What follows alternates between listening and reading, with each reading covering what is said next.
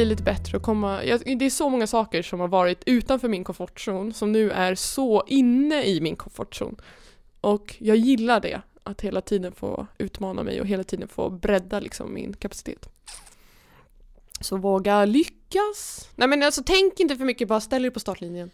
Punkt slut. Idag ska vi träffa entreprenören och den eh, glada löparen Miranda Kvist Men eh, först ett ord från våra sponsorer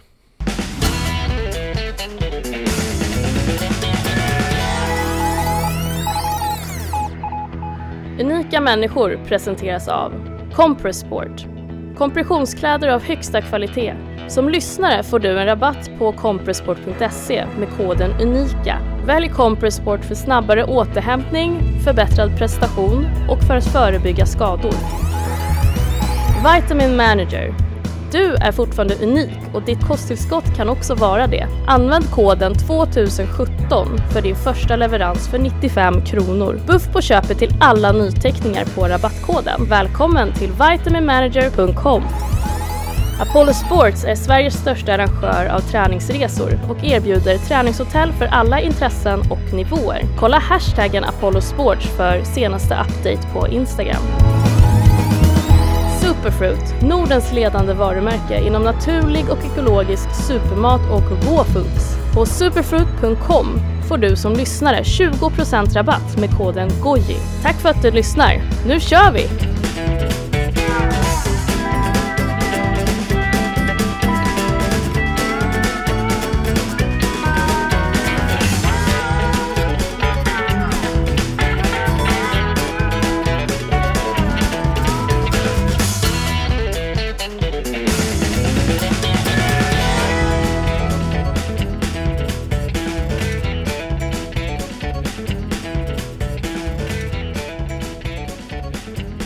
Här intervjun är ju lite spännande och speciell för att eh, för det första så lider jag av sviterna av en förkylning under helgen här men det börjar gå åt rätt håll så om ni tycker att jag låter lite nästäppt så Ja, så är det därför och eh, vi står på behörigt avstånd här i studion.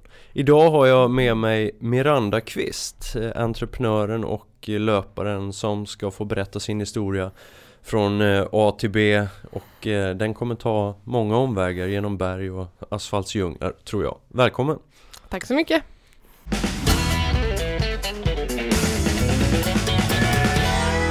Hur känns det att vara i en podd så här? Det, du gör ju lite sånt här då och då. Ja, men det är inte så ofta. Och, och, och, att få stå upp och prata, det är kul. Vet du varför? Nej! För att du skulle vara på behörigt avstånd kanske? Nej, ja det också. nej, nej, men eh, så här är det att eh, jag har lyssnat på väldigt mycket poddar genom åren och eh, inser att det är jävligt dålig energi när folk sitter ner. Det är alldeles för många poddar som spelas in sittande vilket gör att folk blir lite sega, lite såsiga, lite så här, uh, sitter och lutar sig tillbaks och så här. Man skulle aldrig hålla en föreläsning sittande liksom. Eller hur? Nej men det känns som att du är inne på rätt spår. Uh, jag tycker så här, jag, jag, hörde en podd också där de ringde en person som satt i en bil och pratade. Då tyckte jag att det här var... Det var droppen. Det var inte bra liksom. Ja. Så då tänkte jag, jag måste göra en bättre version när jag är med i en podd nästa gång. Ja men nu får du ju det serverat här. Miranda, vem, vi ska berätta lite om vem du är för den eh, oinvigde som inte har tittat på internet de sista tio åren eller eh, sprungit traillopp eller sociala medier och så här. Vem är du? Ja, det är nu man skulle haft en så här färdig mening som man hade eh, pluggat, till, eh, pluggat innan till. Men eh, jag brukar säga att jag är en upplevelse löperskor eh, och eh, Alltså för några år sedan så blev jag bara frälst i att springa i berg och fjäll och så fick jag för mig att alla måste springa i skogen. Eh, så jag startade Team Nordic Trail och det teamet har vuxit till sig. Så det är, finns i hela Sverige nu. Liksom. Och det är där någonstans jag tycker den här storyn är så intressant. För när vi pratade lite på telefon innan så, så eh, kände jag så här att fasen, men vad är det som är så speciellt här egentligen? Jo, det är en, en tjej som är superintresserad av löpning och men som inte nöjde sig där utan faktiskt som tänkte ett liv utanför, eh, om man säger det vanliga jobbet, om man nu klassar det vanliga jobbet som att, som du då, var inköpare på ett livsmedelsföretag. Och så tänkte du så här, nej men jag brinner för det här så jäkla mycket så att jag måste göra något, jag, jag, jag måste göra en affärsverksamhet av det här. Ja fast ändå inte en affär, alltså jag kommer ihåg att när jag sa upp mig, då hade jag fortfarande ingen så här, storslagen plan om att det här ska jag eh, leva på och betala mina, min hyra liksom, utan jag ville bara att folk skulle springa i skogen. Alltså jag var helt, eh, det var det, var det enda jag ville. Eh, och jag skrev ju en löparblogg på den tiden och ville bara inspirera folk till att träna. Och det roliga är att jag hade verkligen, det är först kanske de senaste två åren som jag liksom mer konkret har tänker i affärs, eh, affärstankar, affärsverksamhet och går ut och säljer direkt till företag. Utan då ville jag bara att ja, folk skulle springa. Så att det, var, det var där någonstans som, som jag tog klivet. Jag sa upp mig, men, men det är nog Ja, det var nog bara för att jag ville springa och prata löpning. Liksom.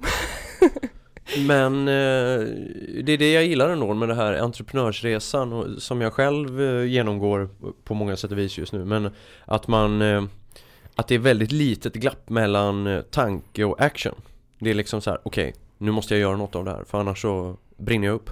Ja, och jag har ju haft en tendens genom året att Alltså det är först när jag liksom står på startlinjen som jag bara, hur hamnade jag här liksom? Alltså jag vet inte, jag har dragit några exempel men så här SM på 100 kilometer, jag sprungit, jag hade aldrig sprungit ultra då. Så står jag plötsligt på startlinjen och, och så tänker jag, oj då, nu är jag visst på startlinjen för SM på 100 kilometer, det är långt. Mm. Så att jag tenderar kanske att inte tänka efter förrän jag är liksom i det på något sätt. Jag sökte ett jobb till, i Italien för massa år sedan, fick jobbet, flyttade ner och så stod jag ja, men vid tågstationen och skulle bli upphämtad och då tänkte jag oj, nu ska jag visst flytta till Italien. Alltså så att jag, jag vet inte, men jag tror att det är en ganska bra eh, egenskap eh, som har gjort att jag hamnat i många situationer där jag bara tvingats utvecklas. Så i det här fallet när jag sa upp mig eh, som inköpare, då hade jag ingen konkret tanke med egentligen vad jag ville göra, utan bara att det här kändes rätt. Mm. Men eh, vi kommer ju prata lite om det sen också, hur, hur mycket atlet du egentligen är. Men om man säger så här, eh, hur definierar du dig själv idag? Är du entreprenör eller är du liksom eh, atlet? Runprenör, nej jag skojar. Runprenör? Ja, jag jag det, att det läste. stod det på din sajt. Ja, men jag läste det. Har du kommit på det själv? Nej, nej, gud nej. Jag såg det någonstans, tyckte det lät coolt. Eh, nej, jag brukar säga att jag är entreprenör, eller liksom egen företagare. Ja. Speciellt nu när, alltså, jag vet inte, ibland så blir jag fortfarande förvånad över att jag har några stycken anställda. Ja. Det känns konstigt än idag, men häftigt också. Liksom. Så för lyssnaren här, eh, för att de ska greppa din personlighet här så är det så här att eh, Miranda Kvist är alltså entreprenör som driver bolaget Team Nordic Trail och ni anordnar eh, träningsgrupper, eh, Tävlingar. camps, tävlingar. Resor i, ja, alltså allt från uh, springa i Atlasbergen till att springa runt Mont Blanc, alltså löparresor framförallt, men Ja. även teambuildingresor där vi tar företag att bestiga Kebnekaise och mycket blandade saker. Ja. Mm. Och eh, det är en låda som omsätter cirka 4-5 Fem miljoner. I år så kommer vi omsätta runt 5,5 miljon och eh, det känns ju ofattbart med tanke på att det är bara en treårig historia och speciellt eftersom det är en nisch som typ inte existerade när vi började. Eh, med förhoppning om att ja, men, eh, omsätta någonstans kring 7-8 nästa år så vi får se. Det är Mm. kul. Mm. Och eh, den här resan, eh, och det här är ju nuläge så att säga, det är ju vad vi är idag Men den här resan började ju för, eh, vad kan det varit sen? Eh, om vi- Våren 2013 startade Våren jag 2013. första löpargruppen. Ja.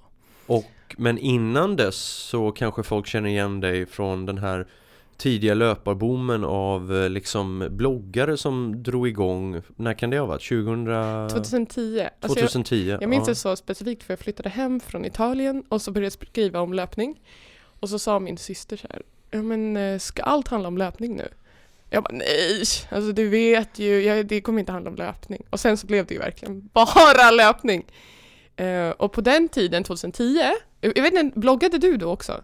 Ja, jag bloggade då. Ja. Ja. Och du minns ju att det fanns inte så många löparbloggar. Nej. Så vi var några stycken och så var vi med i ett stort reportage i Svenska Dagbladet som så här bloggjoggare och vi bjöd in till långpass. Jag skrev ju kanske någon gång att att jag vill springa eh, gröna linjen och så, ja men snälla kan inte någon springa med mig, jag vill inte springa själv. Och så kom det 60 pers liksom och mötte en i Hässelbystrand. Och så och då pratar man. vi gröna linjen för er som inte förstår, men gröna, gröna linjen på Stockholms tunnelbana. Ja, precis. Den är ganska lång, den går från Hässelbystrand till eh, Till Farsta, alltså det blir ju Farsta strand och Skarpnäck och, ja oh, gud vad heter den, ja tredje udden där. Eh, och så sprang vi alla. Så jag, jag höll ju på och gjorde sådana allmänna långpass och bjöd in. Och mest bara för att jag ville inte springa själv.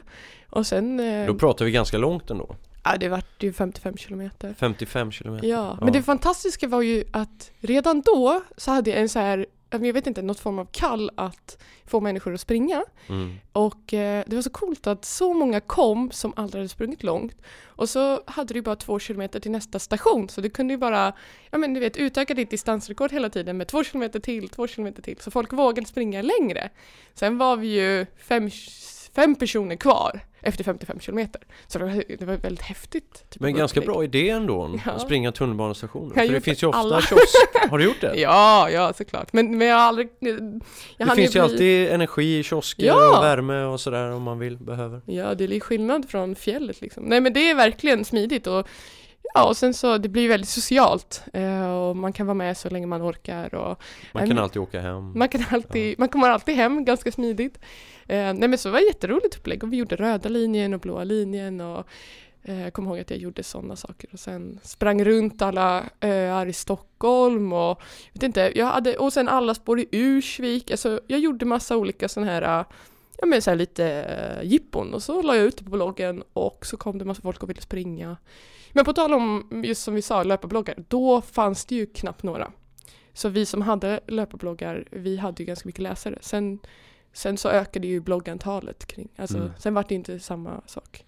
Men, eh, men det du märkte där då, det var att okej, okay, jag kan använda bloggen som en form av eh, marknadsföring men också en förlängning av eh, dina tankar och idéer, att applicera dem i verkligheten och träffa andra människor?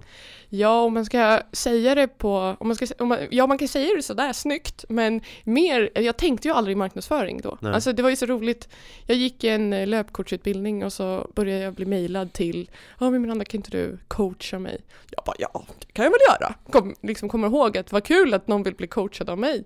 Och sen så blev jag tillfrågad att föreläsa och och sen så sa de så här, vad ska vi skicka, var, eller när, eller här är faktureringsuppgifterna. Så tänkte jag, ja just det, då måste vi skaffa eget företag om jag ska hålla på med det här. Mm. Så att det var väldigt roligt. Jag kom ju aldrig in i själva försäljning, det var aldrig försäljningsspåret först, utan det Nej. var mer i, i så här, det drevs bara av passion liksom. Men det kanske är en bra start. Att börja i den änden Jag, jag tror det Så man det. inte börjar och räkna pengar och sen ja, För att då hade det kanske inte gått ihop. Nej men verkligen. Och jag menar de första två åren så det var ju inte Det var ju, alltså det har aldrig handlat om pengar liksom. Eh, och, Utan jag har ju bara Det har bara varit för att det är kul. Och sen nu förstås när det är en ja men du vet när man har kontor och man har anställda och man kan, ja men nu är det ju mer konkret en affärsverksamhet men alltså då på den tiden, alltså jag, jag tog 250 kronor för online-coacha per månad. Ja. Så här, mina bloggläsare och jag kommer ihåg att jag spenderade kanske tio timmar med deras grejer så det var verkligen, det var inte timlönen man ville ha. Men, eh, och vad är de största utmaningarna idag för dig som rantreprenör? Uh, rantreprenör, uh, min uh, största utmaning nu är väl men jag vet inte, kanske att se större hela tiden. Jag, jag har ju börjat se mycket större framåt och eh, liksom försökt lyfta blicken. Men fram till, alltså förra året var jag ju själv anställd. Så jag mm. anställde ju två killar förra hösten. Och då... Vad gör de? Oh, de var alltså utan dem hade ingenting funkat.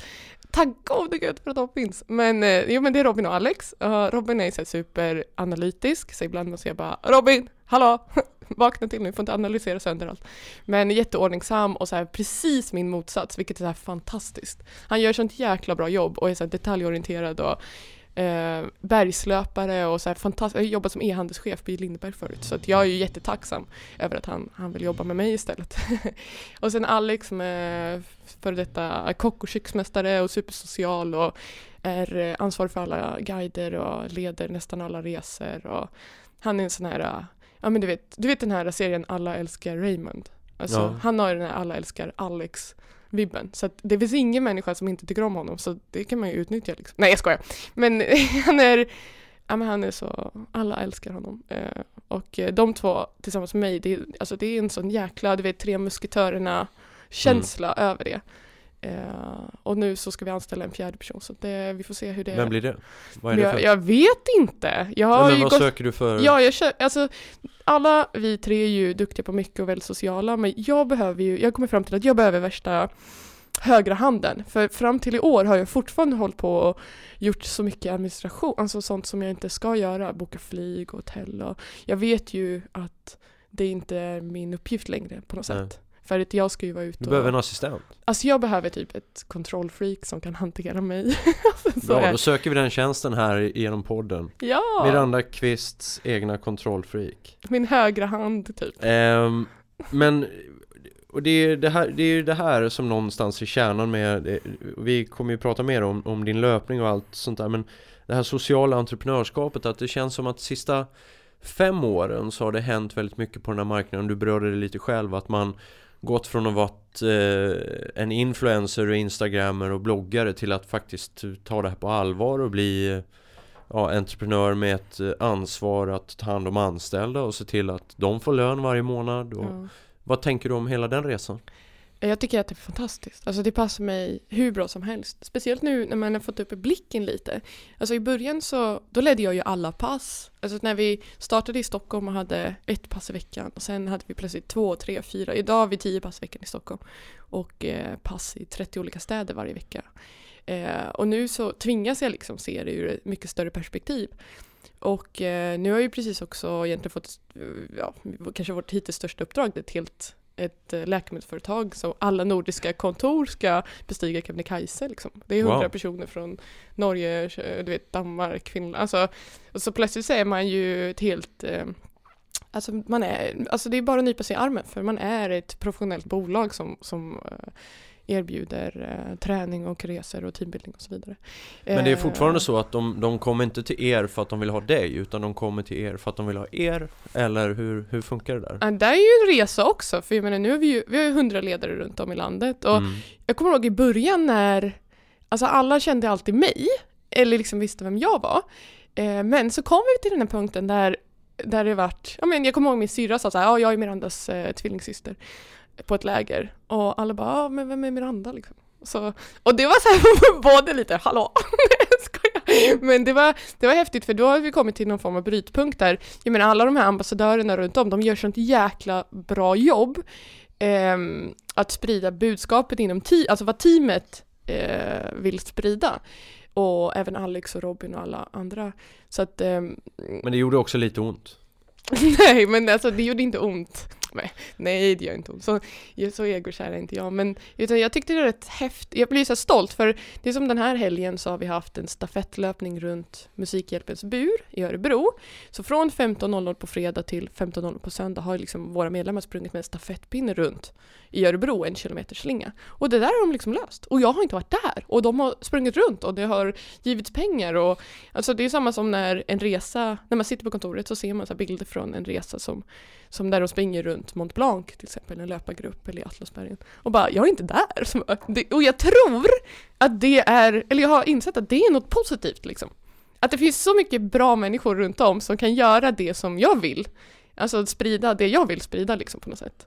Ehm, men även om i låter- början så kändes det ju jättekonstigt. Det tycker jag låter supersunt Ja. Det är väl så man driver ett bolag och är ja, ledare ja. Men vad, har, har du någon liksom eh, så supersmart filosofi där att ah, jag ska driva det här bolaget så här med den här ledarstilen eller så här.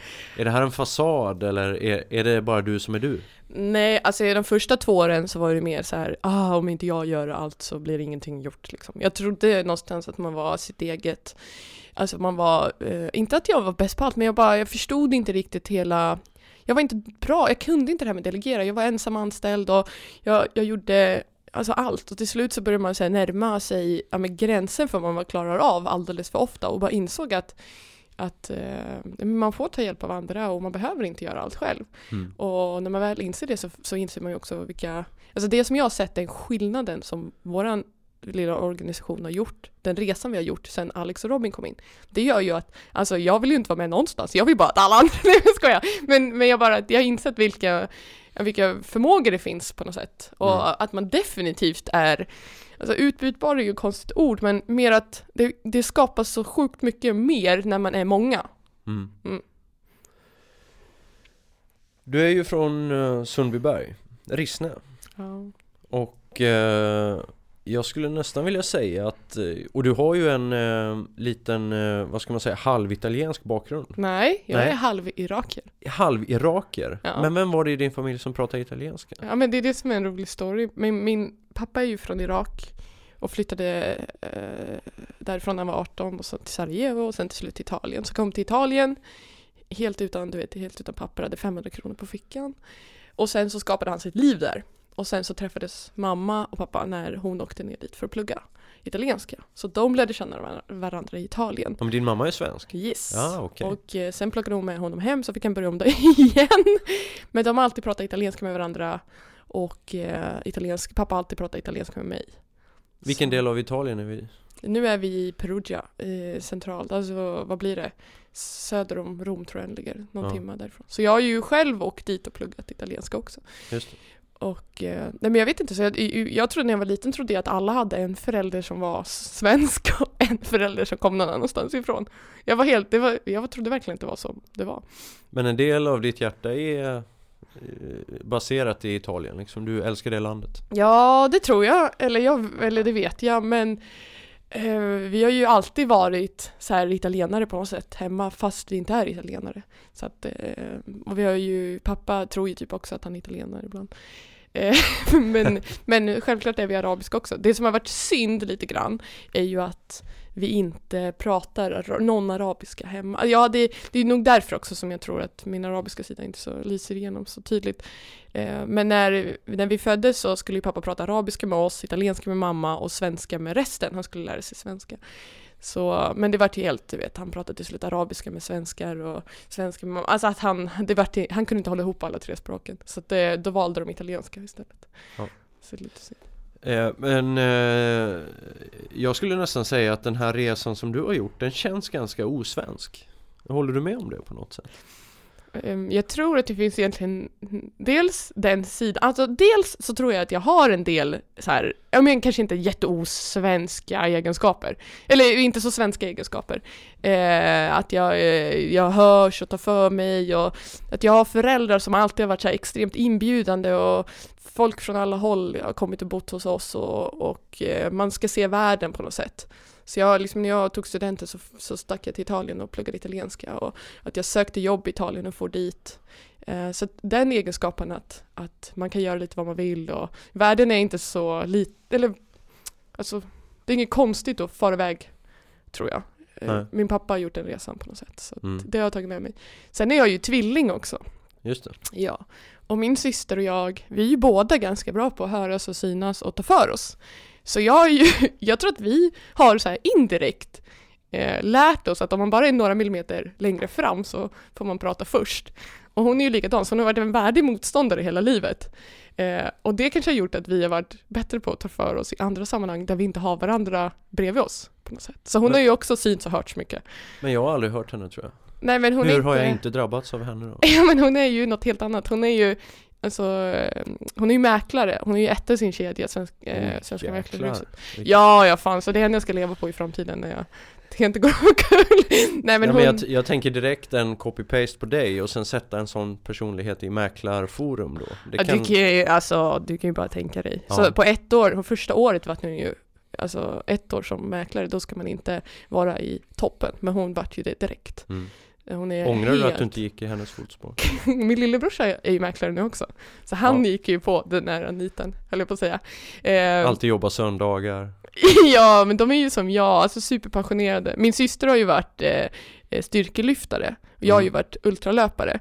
Eh, och vi gjorde något reportage någon gång för Form för att hon drog ju 200 kilo i marklyft. Alltså det är inte, alltså det är så insane bra. Hon har tävlat på junior-VM i styrkelyft. Och de kunde inte så förstå hur den ena tvillingen, för vi är enäggstvillingar, samma DNA. Mm. Den ena tvillingen bara ah, men jag vill springa 10 mil och stack iväg och sprang 10 mil. Och den andra bara men jag ska lyfta 200 kilo och samma DNA ändå liksom levererade Ja. på varsitt håll. Men då kom de fram till att det är så här, det, det mentala inombords, det är det som har gjort eh, att vi har utvecklats så enormt eh, fysiskt åt olika håll på något sätt. Alltså att det finns en kontinuitet och att vi förstår att det kommer inte gratis utan alla timmar som jag har sprungit har ju hon stått på gymmet. Ja. Och att passionen har någonstans skapat resultatet. Men det där med att vara enäggstvillingar, jag har alltid, jag har alltid fascinerats av det. Vet du alltid vad hon tänker? Ja absolut. Nej jag skojar. Nej det har jag inte. Men lever ni i symbios här? För när man var, när man, när man, ja men grejen var så här, när man var ung och då eh, och kände några tvillingar som var tvillingar och de alltid hängde ihop och hade ibland samma kläder och så på sig. ja. Men, och då tänker jag så här Shit, de måste ju alltid veta vad den andra gör och tänker och är och så här och ibland spelar man i samma fotbollslag och så här och det fanns hela tiden en men- Ja, man har ju alltid, alltså jag tror person, jag har ju jag har ju alltid haft så här en stridskamrat vid sidan av mig liksom. Eller Mm. jag har ju alltid haft ett väldigt bra självförtroende och bra självkänsla och någonstans har vi alltid varit två i allt. Jag, man, mm, jag vet, jag kommer ihåg andra kompisar behövde hitta Ja men du vet någon att hänga med på helgen, det behövde jag aldrig göra. För jag hade alltid en, en kompis att hänga med. Och jag kommer ihåg på innebandylaget när, eller fotbollslaget när, när man tyckte att alla bara, åh, alla gjorde katastrof dåligt ifrån sig och syrran var ju back och jag var målvakt. Så när vi räddade allt då var ju vi liksom, vi var så här united på något sätt. Jag kommer ihåg att vi brukade high-fiva varandra extra mycket och ja, men jag vet inte, så att jag tror det har ju skapat en, en väldigt stark trygghet i att man alltid har någon som tar hand om en. Och hon är ju min hon är ju tio minuter yngre, men hon har alltid varit större och starkare på något sätt. Så vi har ju liksom haft varsin så här, jag är stora syrran fast hon brukar vara storsyrran, alltså jättekonstigt. Men så vi har alltid så här, ja men hon har alltid min back på något sätt. Mm. Eh, men, och skulle vi bo tillsammans en vecka eller något, då skulle vi bli tokiga på varandra också. Så att ehm, jag tror jag kommer mer överens kanske med en del andra kompisar. Medan min syster och jag, alltså vi är ju så intensiva båda två. Så vi, vi, har, vi är ju super, alltså hon är ju mitt allt, men samtidigt så är vi så superintensiva båda två att vi behöver ju också så utrymme ifrån varandra. mm. Så vi valde ju att eh, börja på olika gymnasium. Så vi skaffade varsin ny um, umgängeskrets här. Rent, eh, ni kände att det var Ja men vi vill olika saker, alltså vi är ju också väldigt tydliga med att vi är individer. Eh, kommer ihåg hur vi kunde vara irriterade, ja men i, i klassen när ja, men de ropar upp så här, ah, Andreas, Robin, Miranda och Josefin. Alltså det är väldigt, man blir ju ändå, satt nästan ihop där man, ja man har alltid suttit ihop. Men det var en taktik att, att, att gå lite skilda vägar där Ja men då var vi också väldigt olika under den perioden. Jag var ju så här, trodde att jag var värsta orientaliska personen och gick på magdans och hade ja men superspejsat hår, alltså lockigt, långt brunt hår och stora smycken och hon var metal-tjej och hade förlängning, ja men du vet så svart hår och förlängningar och bara läder på sig och nitar och alltså en sak är säker och det är att vi har ju alltid varit, vi är inte så bra på att ha den här lagom inte riktigt våran Nej, melodi. nej. Ja. Nej men det kan man nästan se när man börjar läsa på lite om dig att, att det är svårt det där att tänka lagom Tänkte vi skulle prata lite om det Ehm, du fastnar ju någonstans där för att, för att springa väldigt långt Du nämnde det Du började springa tunnelbanelinjer och så här men, men när upptäckte du det här med att springa långt i fjällen? Och i, i berg och på stig? Alltså det var ju 2012 som eh, jag, eh, eller året innan hade jag ju tävlat på 24 timmar och SM på 100 km och allting. Men jag Det hade är gjort ganska på- platta banor Men bara, alltså jag Ja. hatade ju rötter för då snubblar man, alltså så att verkligen bara platta saker. Eh, men jag åkte på löparknä. Och eh, den där våren 2012 så kommer jag ihåg att jag började så kämpa med att försöka komma upp i distanser igen. Och på asfalten kunde jag bara springa 3 kilometer innan det gjorde jätteont. Och i skogen kunde jag springa plötsligt 8, 9, 10 kilometer innan det gjorde ont. Så att jag började någonstans förstå att, att skogen är bättre. Och jag hittade lite balans och harmoni i det och, och trivdes där. Eh, och i samma veva så ryckte ju då, ja men du vet Erik Ahlström, the one and only, eh, som var här tidigare i din podd, eh, ryckte tag i mig, eller jag fick ett mejl en dag. Vill du springa i Pyrenéerna med Sa- Salomon betalar? Alltså typ två meningar bara, en, sent en kväll. Får jag bara fråga, vad Ja. hade du sprungit då? Dina första liksom? det har inte sprungit Nej men i Hagaparken eller liksom vad? Nej, Ursvik har jag ju Ursvik, sprungit mycket. ja. Ja. Men jag har ju liksom aldrig vikit av elljusspåren. Alltså jag har ju liksom inte Alltså verkligen inte. Jag har ju bara sprungit, alltså jag har ju sprungit alla trottoarkanter du kan tänka dig i Stockholm. För många gånger. Ehm, och var väldigt fixerad vid klockan och tider och tem- alltså, tempo och sånt där. Men eh, så kom jag ner till eh, Pyrenéerna och ja det är ju Pyrenéerna, det är ju också så här pinsamt för jag bara Pyrenéerna, undrar vad det är? Men det, var, det är något berg. Alltså på den nivån var det verkligen. Och det här är inte länge sedan, vilket också är pinsamt, men det är inte länge sedan. Så kom jag ner dit och så försökte jag förklara, förstå, och det här var ju, då hade jag ju kunnat börja springa lite längre igen. Så försökte jag förstå de här personerna. Men vad är det för tempo vi ska springa eller liksom, vad ska ni satsa på? Vad är det för tid ni ska springa? Och de bara, de värsta hippisarna bara, mm, Miranda, mountains, freedom. Bara, the day will decide. Alltså, och så kommer jag ihåg hur frustrerande det var för en så här typisk asfaltsnätare att komma dit och bara bli så totalt hjärndöd höll jag på att säga. av de här. Men, men sen så sprang jag där och så, ja men det är så svårt att förklara men det är bara att föreställa sig berg, glaciärsjö, snötäckta toppar, vildhästar, vätskestation med liksom vin och salami. Alltså, och så bara är du på 2 500 meter och så kommer du bara farandes utför där och allt bara funkar och klaffar och det är runners high och knät gör inte ont och allt är bra och då, ja, men då bara springer man runt där och bara mountains, freedom, alltså man blir ju så hjärntvättad. Eh, och sen den dagen så bara blev jag helt förälskad i, i det där. Mm. Och, och nästan lite frustrerad för att ingen hade visat mig det tidigare. Just det. Här hade jag ju sprungit med 24 timmar i en bunker och gjort och du vet eh, en massa blandade grejer. Trodde att det var upplevelser men det här var ju verkligen upplevelser på riktigt. Ehm, och samma sommar så sprang jag Jämtlandstriangeln första gången i fjällen. Och det var ju också en sån sak som jag inte visste fanns. Alltså jag har ju aldrig varit med i skogsmulle eller scout eller jag har ju aldrig varit i friluftslivet. Du är, ju- har du vuxit upp på fjällen? Nej. Nej, inte, nej du inte heller. Men eh, jag, alltså jag träffar ju många från Jämtland och allt möjligt som, jag menar för dem är det helt naturligt att fjällen finns. Men jag hade ingen aning, alltså jag hade ingen aning. Nej. Så fick jag springa Jämtlandstriangeln och så var det ju bara en massa vandrare där, där och, och jag kunde inte förstå varför fler inte sprang. Det här var ju perfekt för att springa för. Och, och då, det här var ju sommaren 2012 och det var ju då jag fick för mig att men det här måste ju allt och alla göra. Att inte alla förstår att man ska springa på fjällen. Så bara, jag måste. Och så, så kommer jag ihåg så att jag, det blev mitt mission. Alla måste springa på fjället. Eh, ja, och sen nu är vi där några år senare och det är, plöts- det, är det jag sysslar med fortfarande. Men eh, upplever du att det tar tid att kommunicera det här? Eller någonstans nu så har ju folk börjat förstå att fjället är ganska härligt att springa på. Och vi är många som har missionerat om det ganska länge men eh, Eh, hur, hur ser du den utvecklingen? Tycker vi har kommit framåt? Ja, alltså nu när man springer, ja, men till exempel Jämtlandstriangeln, då möter man ju löpare och det är fullt med löparskor där inne på stationerna. Så att det är ju helt, det är helt magiskt. Och, men det finns ju fortfarande så mycket kvar att utforska.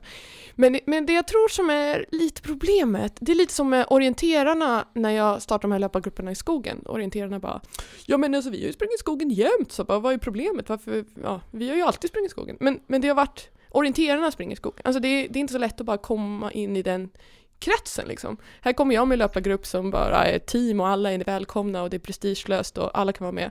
Det är mycket mer välkomnande till liksom, den moderna människan på något sätt. Mm. Eh, och det var det vi gjorde med våra fjälläger.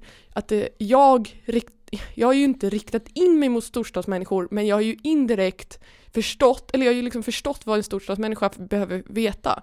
Mm. Eh, jag tror att många eh, så här eh, fjäll, sådana företag eller sådana organisationer som de är ju alla uppvuxna på fjäll så det är mer den här inställningen att varför förstår ni inte hur bra det är på fjäll? Medan jag verkligen så här, hallå, det här är någonting fantastiskt, ni måste komma hit och det är sjukt enkelt, man bara tar sig till Åre och sen är det, ja men, jag vet inte, jag får ju mail eh, från människor om huruvida man ska vara oroad för björn.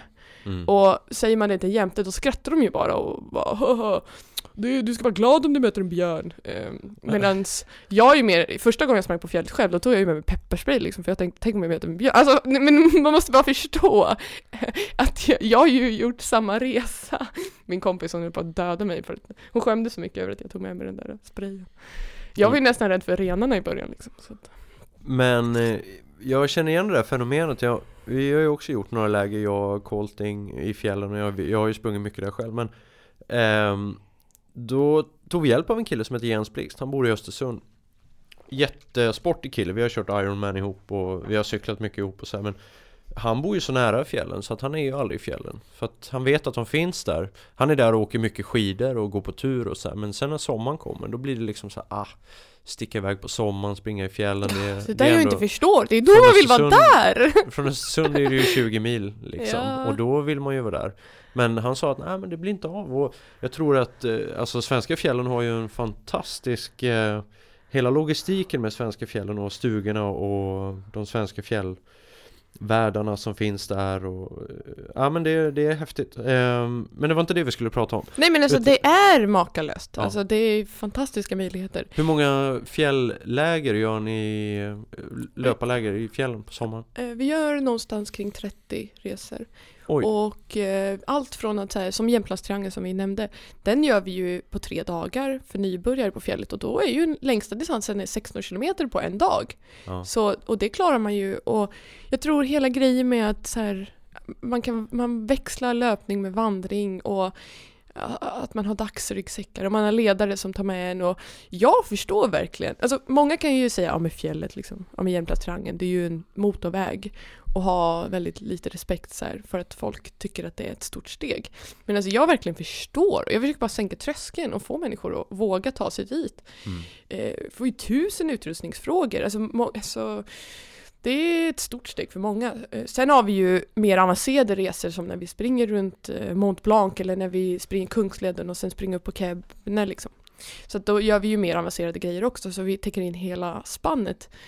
Eh, Men jag, jag, tror, jag tror på att man måste ha ja, men en, liksom ett öppet sinne där.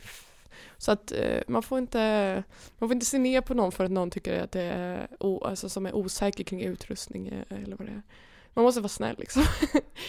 Mm. Men eh, så när man dyker upp på ett sånt här fjällläger med er då, då, Ja då samlas man på en, en punkt och sen så springer, utgår ni därifrån? Eller tar ni dem i buss hela vägen eller vad gör ni? Det är väldigt blandat. Det kan vara exempelvis att vi utgår från Vålådalen eller Edsåsdalen och så kan vi ha flera olika grupper med olika nivåer. Så att vi kan ha en nybörjargrupp och en mellangrupp och sen en, en snabbare grupp. Eh, alternativet som vi gör mycket av är att vi kör löpning mellan olika stationer och stugor. Så då kan det vara att vi, ja, vi möts i eh, möts i Abisko och sen ska vi springa, men vad kan det vara, 15 kilometer till Abisko och Jaure, där lagar vi mat och så sover vi. Dagen därpå är det 35 eller vad det kan vara. Mm. Det är lite olika upplägg som sagt. Eh, Så så kan det vara. Och, och när vi springer i, men i Atlasbergen och Alperna, då är det ju ungefär, det är, all, det är oftast mellan stugor och stationer och olika hotell. Och, Springa med lätt packning och... ja, och så ja. någon som transporterar. Ja, men på svenska fjällen, där får man ju lite mer utmaning för då får man ju bära sin packning när man springer. Mm. Det är ju också utmanande för många. Ehm, men i till Det exempel behöver Atlas- ni inte i Alperna? Eller i... i Alperna har vi bil som kör transporterna, i Kebnekaise då skickar vi kanske med helikopter, i Atlasbergen är det åsnor som, som tar eh, väskorna, så det är rätt häftigt det där. Eh, men det är ju såklart, det är, jag tror att våran nisch, upplevelseresor i löparskor, alltså den fanns inte riktigt innan. Jag tror att det är där våran, eh, min, eller våran största styrka har varit, att så här, vi har fått utveckla det lite grann själva. Nu finns det ju fler som gör sådana typer av resor, men, men vi har haft förmånen att liksom få, få jobba upp någonting där. Lätt eh, vandring eller, eller fjäll, alltså det är svårt att säga exakt vad det är, men eh, upplevelseresor i löparskor brukar vi säga. Hur... Eh, hur många ledare är ni och hur mycket folk tar ni på en, ja men säg Jämtlandstriangeln, tre dagar liksom? Ja men där kan det vara, alltså den, det är väldigt olika baserat på resa men just där kanske är runt 20 personer och så kanske två eller tre ledare. Eh, sen så, det som är viktigt med ledarskapet är att, ja, vi skickade faktiskt sms till 300 deltagare här i somras, bara för att stämma av så här lite, ja, men du vet, ge, få ett litet betyg. Och då fick vi ju toppbetyg och så var det så här, varför får vi det här betyget? Eller liksom vad är grunden till till det här betyget. Och då var det ledarna. Så att eh, jag har verkligen lärt mig nu att oavsett om vi gör ett teknikläger i Trosa eller i Hällefsgården eller liksom i Atlasbergen eller Alperna eller något annat, någon annanstans så är det ju det är alltid ledarna det handlar om. Det är inte, mm. även om vi alltid ska ha vacker miljö och god mat och du vet sådana saker så är det, så länge du har duktiga ledare så, så blir allt succé. Eh, och det de är duktiga på är att de är, dels är de självklart är säkerhetsmedvetna människor, men de är inte så här jag kan uppleva ibland att vissa guider på olika stationer är lite utkörda. Liksom. De kör samma race, samma skämt. De, de ledarna vi har, det är liksom, vi handplockar verkligen här, människor som kan skapa gemenskap. De kanske är, har, de har fjällledarnormen i grunden men de jobbar med något annat till vardags så de brinner extra mycket för det här när vi åker på fjället. Liksom. Ja, det är väldigt, väldigt duktiga ledare. Jag tänkte vi skulle prata lite om din egna löpning. Vad du själv brinner för och vad du själv gärna springer idag. Det vill säga när du inte leder en grupp eller om du har någon utmaning framför dig som är ja, ja, spännande. Precis. Du har ju sprungit ja. väldigt många spännande lopp. Eh, jag har ju sprungit allt från 3000 meter på bana till 24 timmar på bana till 100 km på asfalt till 100 km i bergen till... Ja, det känns som att jag gjort alla konstiga lopp nu. Men eh, säg det lopp som du gillar bäst. Jo men det är nog det här äh, som heter CCC som är den korta versionen av UTMB. Och mm. UTMB är ju Ultra Trail Mont Blanc som är det här loppet som går runt Mont Blanc. Som är liksom 16 mil i bergen. Ja, 17 till och med. 17 10 000 meter. Och det har jag ju nu sökt till nästa år. Just Så jag har ju äntligen fått Så eh, lill, lilla systern eller lillebror till det där är då CCC? Det är roligt när man säger det korta loppet. Det korta loppet. Ja, men det är, och det är 9 mil. Det är 10 och då mil. går det ju mm. från Courmayeur Italien, Champagne Schweiz och sen Chamonix Frankrike. Så man går ju, det går ju förbi länder. Och UTMB då får man ju köra den första första sträckan från Chamonix till Courmayeur också. Och det är det som eh, Alltså jag har ju gjort alla de här loppen de senaste åren med någon form av, du vet, in, eh, någon lite, liten vision om att jag vill ju få ihop kvalpoängen till UTMB och få springa UTMB. Så nu har jag äntligen fått söka Förra veckan blev det ju. Vad innebär det? Att man, du har alltså skrapat ihop de här kvalpoängen genom åren? Får man skrapa flera år eller? Ja, det, det är ju i kort och gott behöver man få ihop 15 eh, poäng i det nya systemet och det innebär att man egentligen ska springa tre stycken 100 km bergslopp inom loppet av två år. Eh, alltså, vilket jag har gjort nu. Och eh, egentligen tror jag att hade det inte varit för TNT och jag hade jobbat kvar som liksom kontorsråtta då hade jag ju varit där för länge sedan. Eh, men nu har jag, det har ju gått åt mycket kraft, energi och kapacitet de senaste åren med att bygga TNT också. Men eh, äntligen nu kvalpoängen klara och eh, sen, jag vet inte vad det är om det är två på fyra eller något som får springa eller en på fyra men det är så här svindåliga lott. Eh, ja men jag håller tummarna jag hoppas. Vad roligt, kan man så lämna någon kommentar där också? Att skriva så här? Snälla! Ja. Nej men jag tänker så här, nu jag kanske har fel, men det är ju typ 95% eh, män och de är i snitt 40-45 år. Och eh, kommer man då som 28-årig tjej så, ah, fan om de inte ska ta med en. Eh, jag har ju alltid när jag tävlar, gärna i Italien, Frankrike och Spanien, alltså på de här bergsloppen, så springer jag ju alltid Superman-dräkt? Exakt, det gör jag ibland men inte, inte på bergslopp. Men man springer ju alltid liksom, ja men när man har en kaliber som är, kan mäta sig med många duktiga karlar liksom, så, så kommer man ju långt fram på damsidan där eh, och eh, jag vet inte, det, jag, jag tänker bara att de borde ha lite mer mångfald liksom. Eller jag försöker mm. ju få fram fler brudar och springa berg liksom. Mm.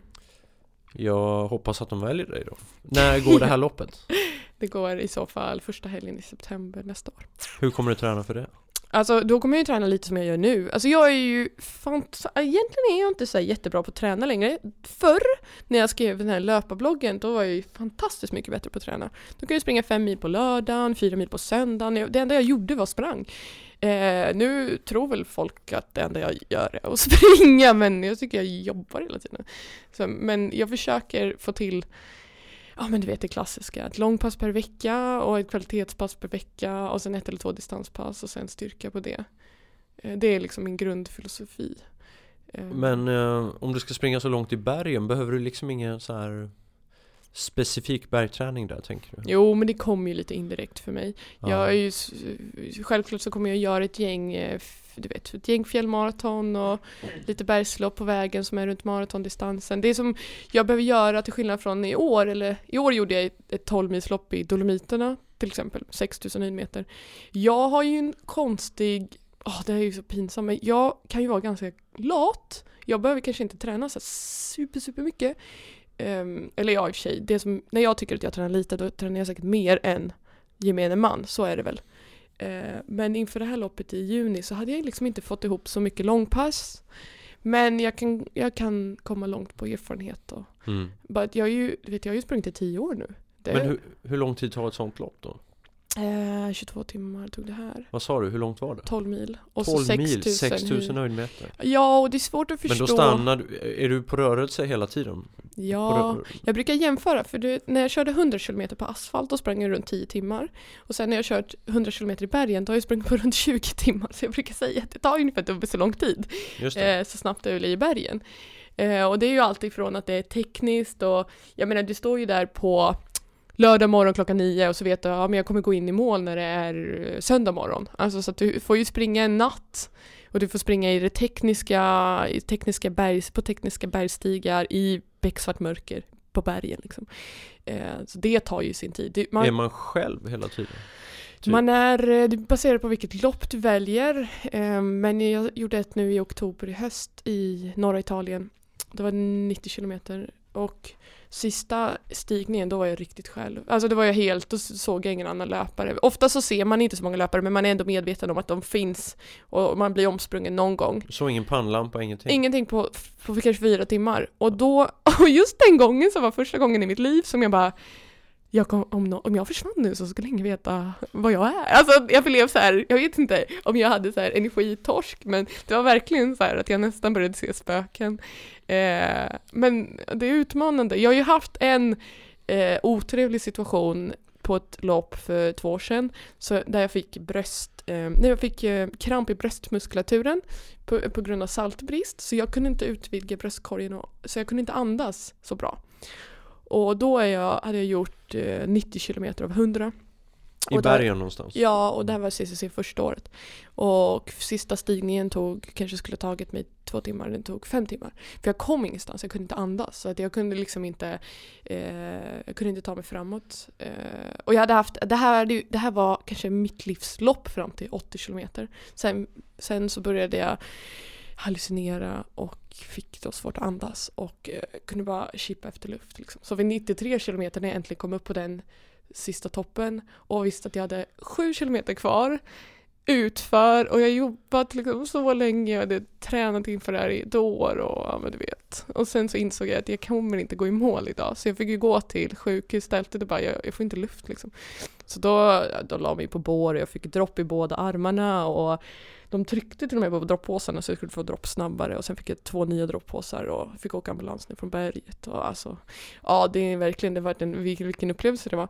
Men det som jag tog med mig därifrån är ju att det som var problemet var ju att jag hade mitt livs dag. Mm. Jag blinkade inte ens och så hade jag sprungit fem mil i bergen. Så det var verkligen, jag var och när man har en sån bra dag då är det lätt att slarva med energin för att man bara kör. Mm. Så det var det som var problemet var att jag menar när jag har varit ute i 15 timmar och sprungit i vär- värmen då det är viktigt att du har fått i salt och mineraler och så vidare. Eh, och det hade jag ju då slarvat med. Så jag fick ju men det som är så sjukt, det, alltså, Men det vi pratade om där, det var Ja. dina rädslor. Ja, och då, var- då var det ju det en, eh, en situation då jag verkligen var ja, men, ganska utsatt. Jag var uppe Mm. på bergstopp nästan där, ja, det var becksvart, jag var själv, det var slutet på loppet. Det kom ju då och då någon löpare som var men hur mår du? Jag bara nej nej kör du, för jag vill ju inte erkänna för mig själv att jag inte skulle fullfölja loppet. För det här är ju, jag menar, du kan ju bara tänka dig hur mycket energi man har lagt i att försöka fixa det här. Ehm, och, men, då, men, men jag var liksom aldrig rädd. Det som var jobbigt då var ju att, liksom, att min mamma stod i Chamonix och väntade på att jag skulle komma och de inte gav mig min telefon, jag låg där med dropp. Och jag var ju mer rädd för att hon skulle bli ledsen. Alltså i, Ja.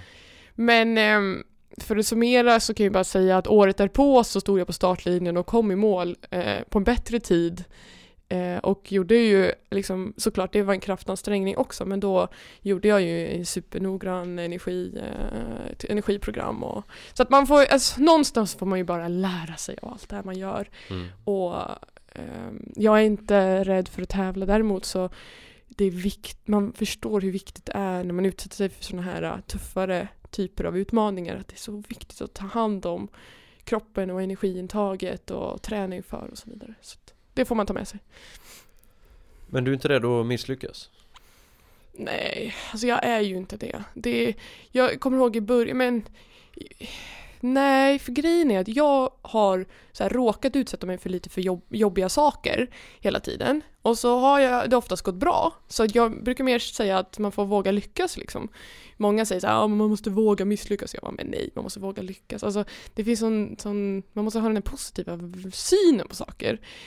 Um, första gången jag föreläste, det var på den tiden när jag hade den här löparbloggen, så 2010 någonting. Så la jag ut så här, om jag ska föreläsa på Alvalds. Och så kom, kom det hundra personer, så jag bara helvete jag vill inte. Men då kan jag inte bara skita i det. Så, så det var ju bara att kliva ut och, och dra, dra en story eh, som jag hade tänkt och det gick ju bra. Än idag kan jag ju träffa folk som hörde den föreläsningen och eh, sen så får man väl ge sig lite cred att man kan inte göra allting perfekt.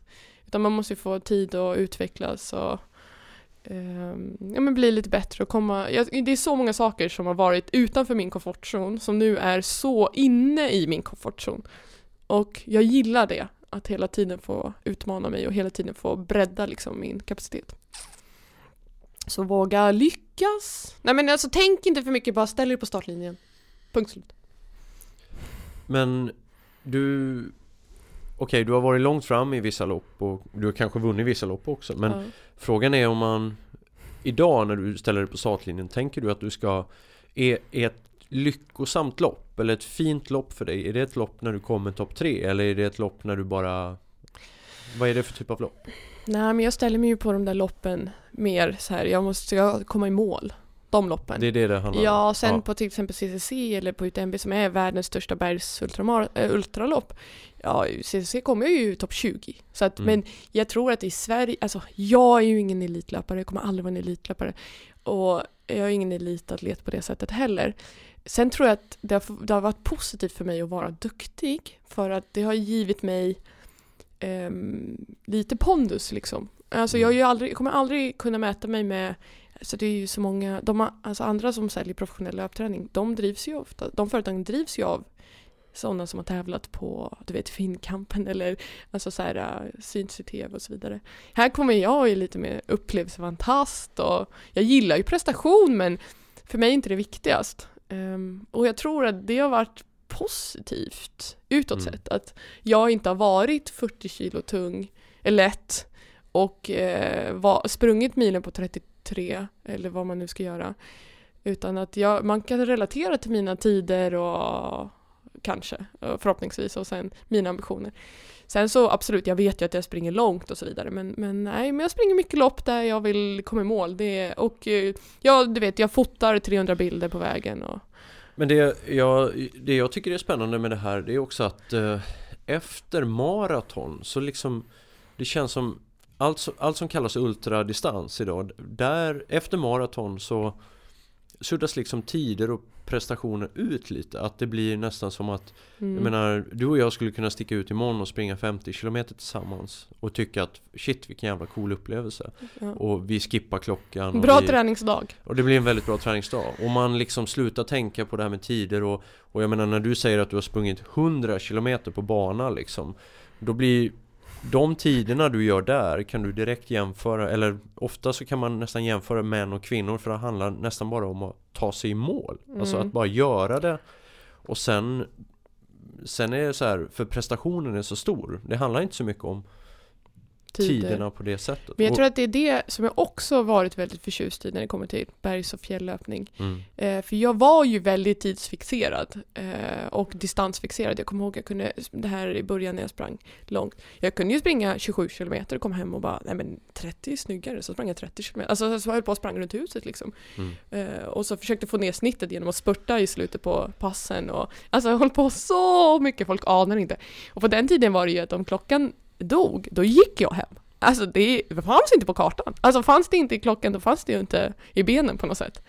Och äh, men jag var väldigt extrem. Ehm, jag har alltid tenderat att vara det lite grann. Men var det också för att du ville sen blogga och skriva om det och få bekräftelse? Sä, alltså, sä, alltså jag vet inte säkert, jag la ju ut alla, eh, alla siffror, jag var väldigt siffertokig på den tiden.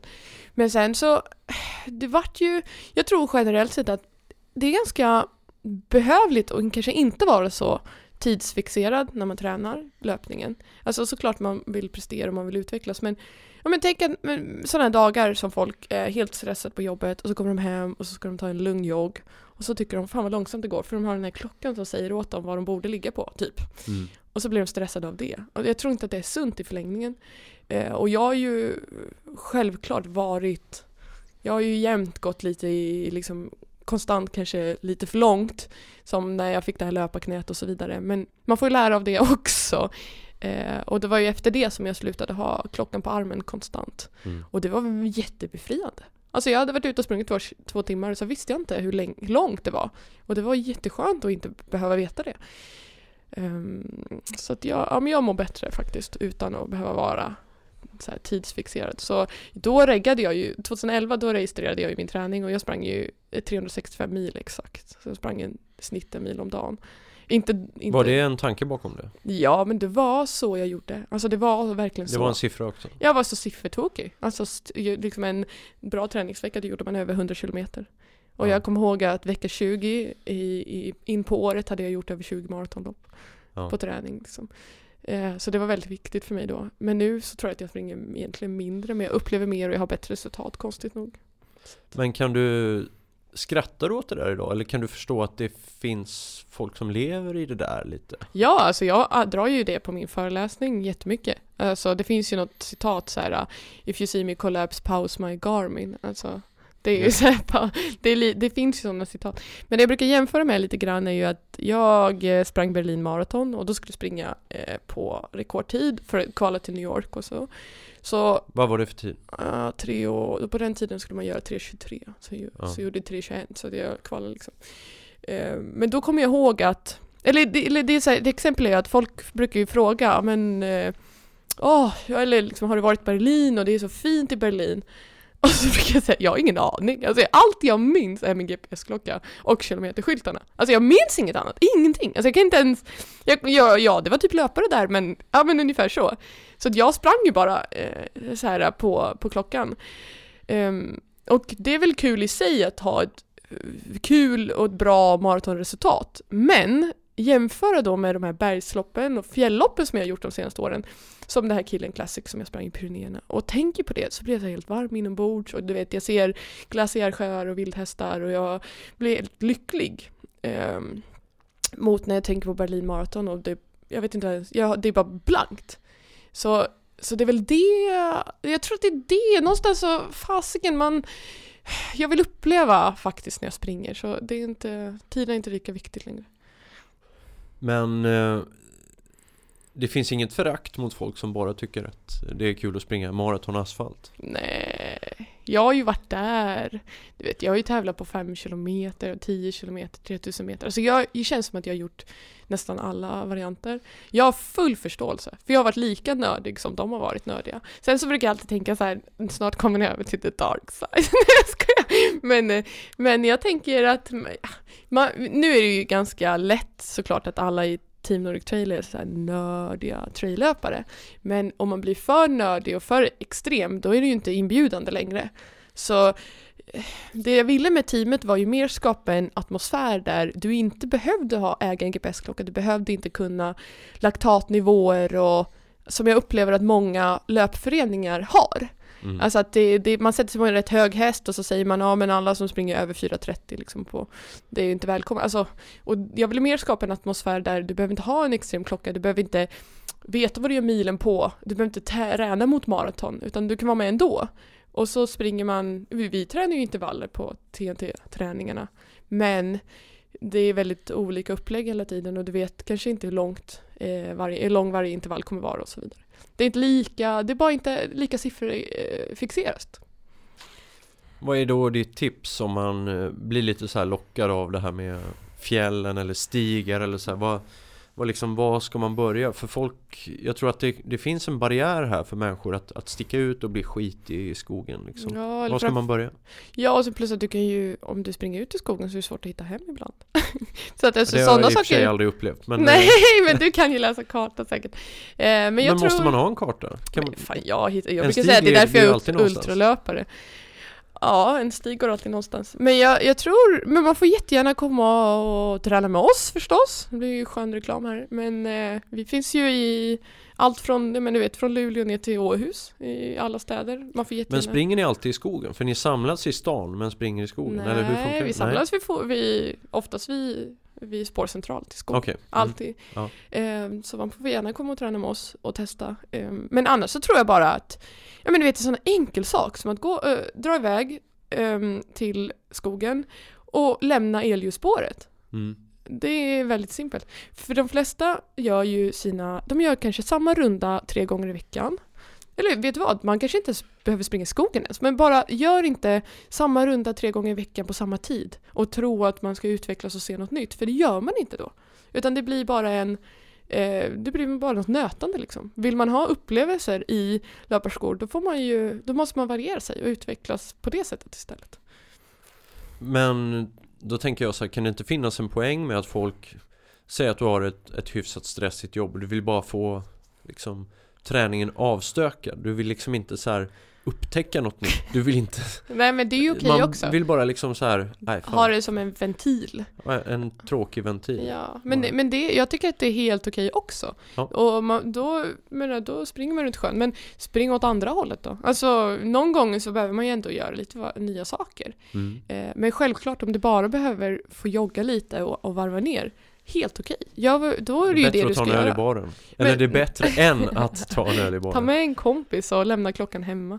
Men däremot om man vill, om man har, om man upplever att sin löpning är lite trist, då kan jag ju säga att, jag menar, en pannlampa, en kompis och sen rakt ut i spagettin typ på, i skogen. Alltså, I spaghetti. nej men vad säger man, i spetan? Eller vad säger jag? Jag vet inte vad man säger. Rakt ut i terrängen. Rakt ut i terrängen. Jag är inte bra på uttryck. Men eh, så bara, det blir ju äventyr då. Så Ja. att jag började ju springa med pannlampa någon gång hösten pff, 2012 kanske. Och, och plötsligt så var höstträningen typ det roligaste som fanns. Mm. Alltså springa med pannlampa i skogen, det är så jäkla coolt. Och då säger ju alla så här. Ja, men gud, det är jättemörkt i skogen. Ja men ha pannlampa. Ja men pannlampa och en kompis, jag brukar alltid rekommendera att ta med en vän men om inte annat så får ta, fan, då är TNT din vän liksom, så spring med oss i skogen. Eh, för jag, alltså plötsligt så är ju världen, ja men Liljaskogen här i Stockholm, Ja. den är ganska gles, det är rätt nära stan, men när det är mörkt och på kvällen och så har du din pannlampa, då är det alltså djupaste trollskogen du kan tänka dig. Alltså det blir så häftigt. Och den där timmen som man brukar gneta, den går på en minut. Det går så jäkla snabbt. Det går, det är för, man vill mer snarare bara ha mer och inte att det ska ta slut. Miranda, innan vi avslutar här så Ja. skulle jag vilja fråga dig ehm, Vad har du för hjältar och ikoner som du ser upp till? Oj, vilken bra fråga. Ehm, Åh gud, jag vet inte. Alltså jag tror nästan alltid att jag blivit inspirerad av andra väldigt coola och målmedvetna brudar. Eh, och eh, gud, vilka tänker jag på rak hand? Jag, jag har ju träffat både Emily Forsberg och Anneli Pompe för inte så länge sedan. Och båda två är så här tjejer som är rätt sköna, ganska ödmjuka, eller väldigt ödmjuka och, och liksom, de gör inte så mycket väsen för sig. Men den ena, du vet, springer ju och vinner alla bergslopp och den andra bestiger Everest. Och när jag träffar sådana härliga tjejer, då, kan jag tänk, då tänker jag verkligen att ja, men de är precis som du och jag. Liksom. Ja. Och de kan ju göra ett sånt. Ehm, så sånt, där blir jag inspirerad av att alla är ju ändå i, i, i slutändan vanliga människor och Mm. kan göra vad som helst. Liksom. Du, vad gör du om tio år? Då kanske det är något, då är, kanske det är lite större autoföretag kanske.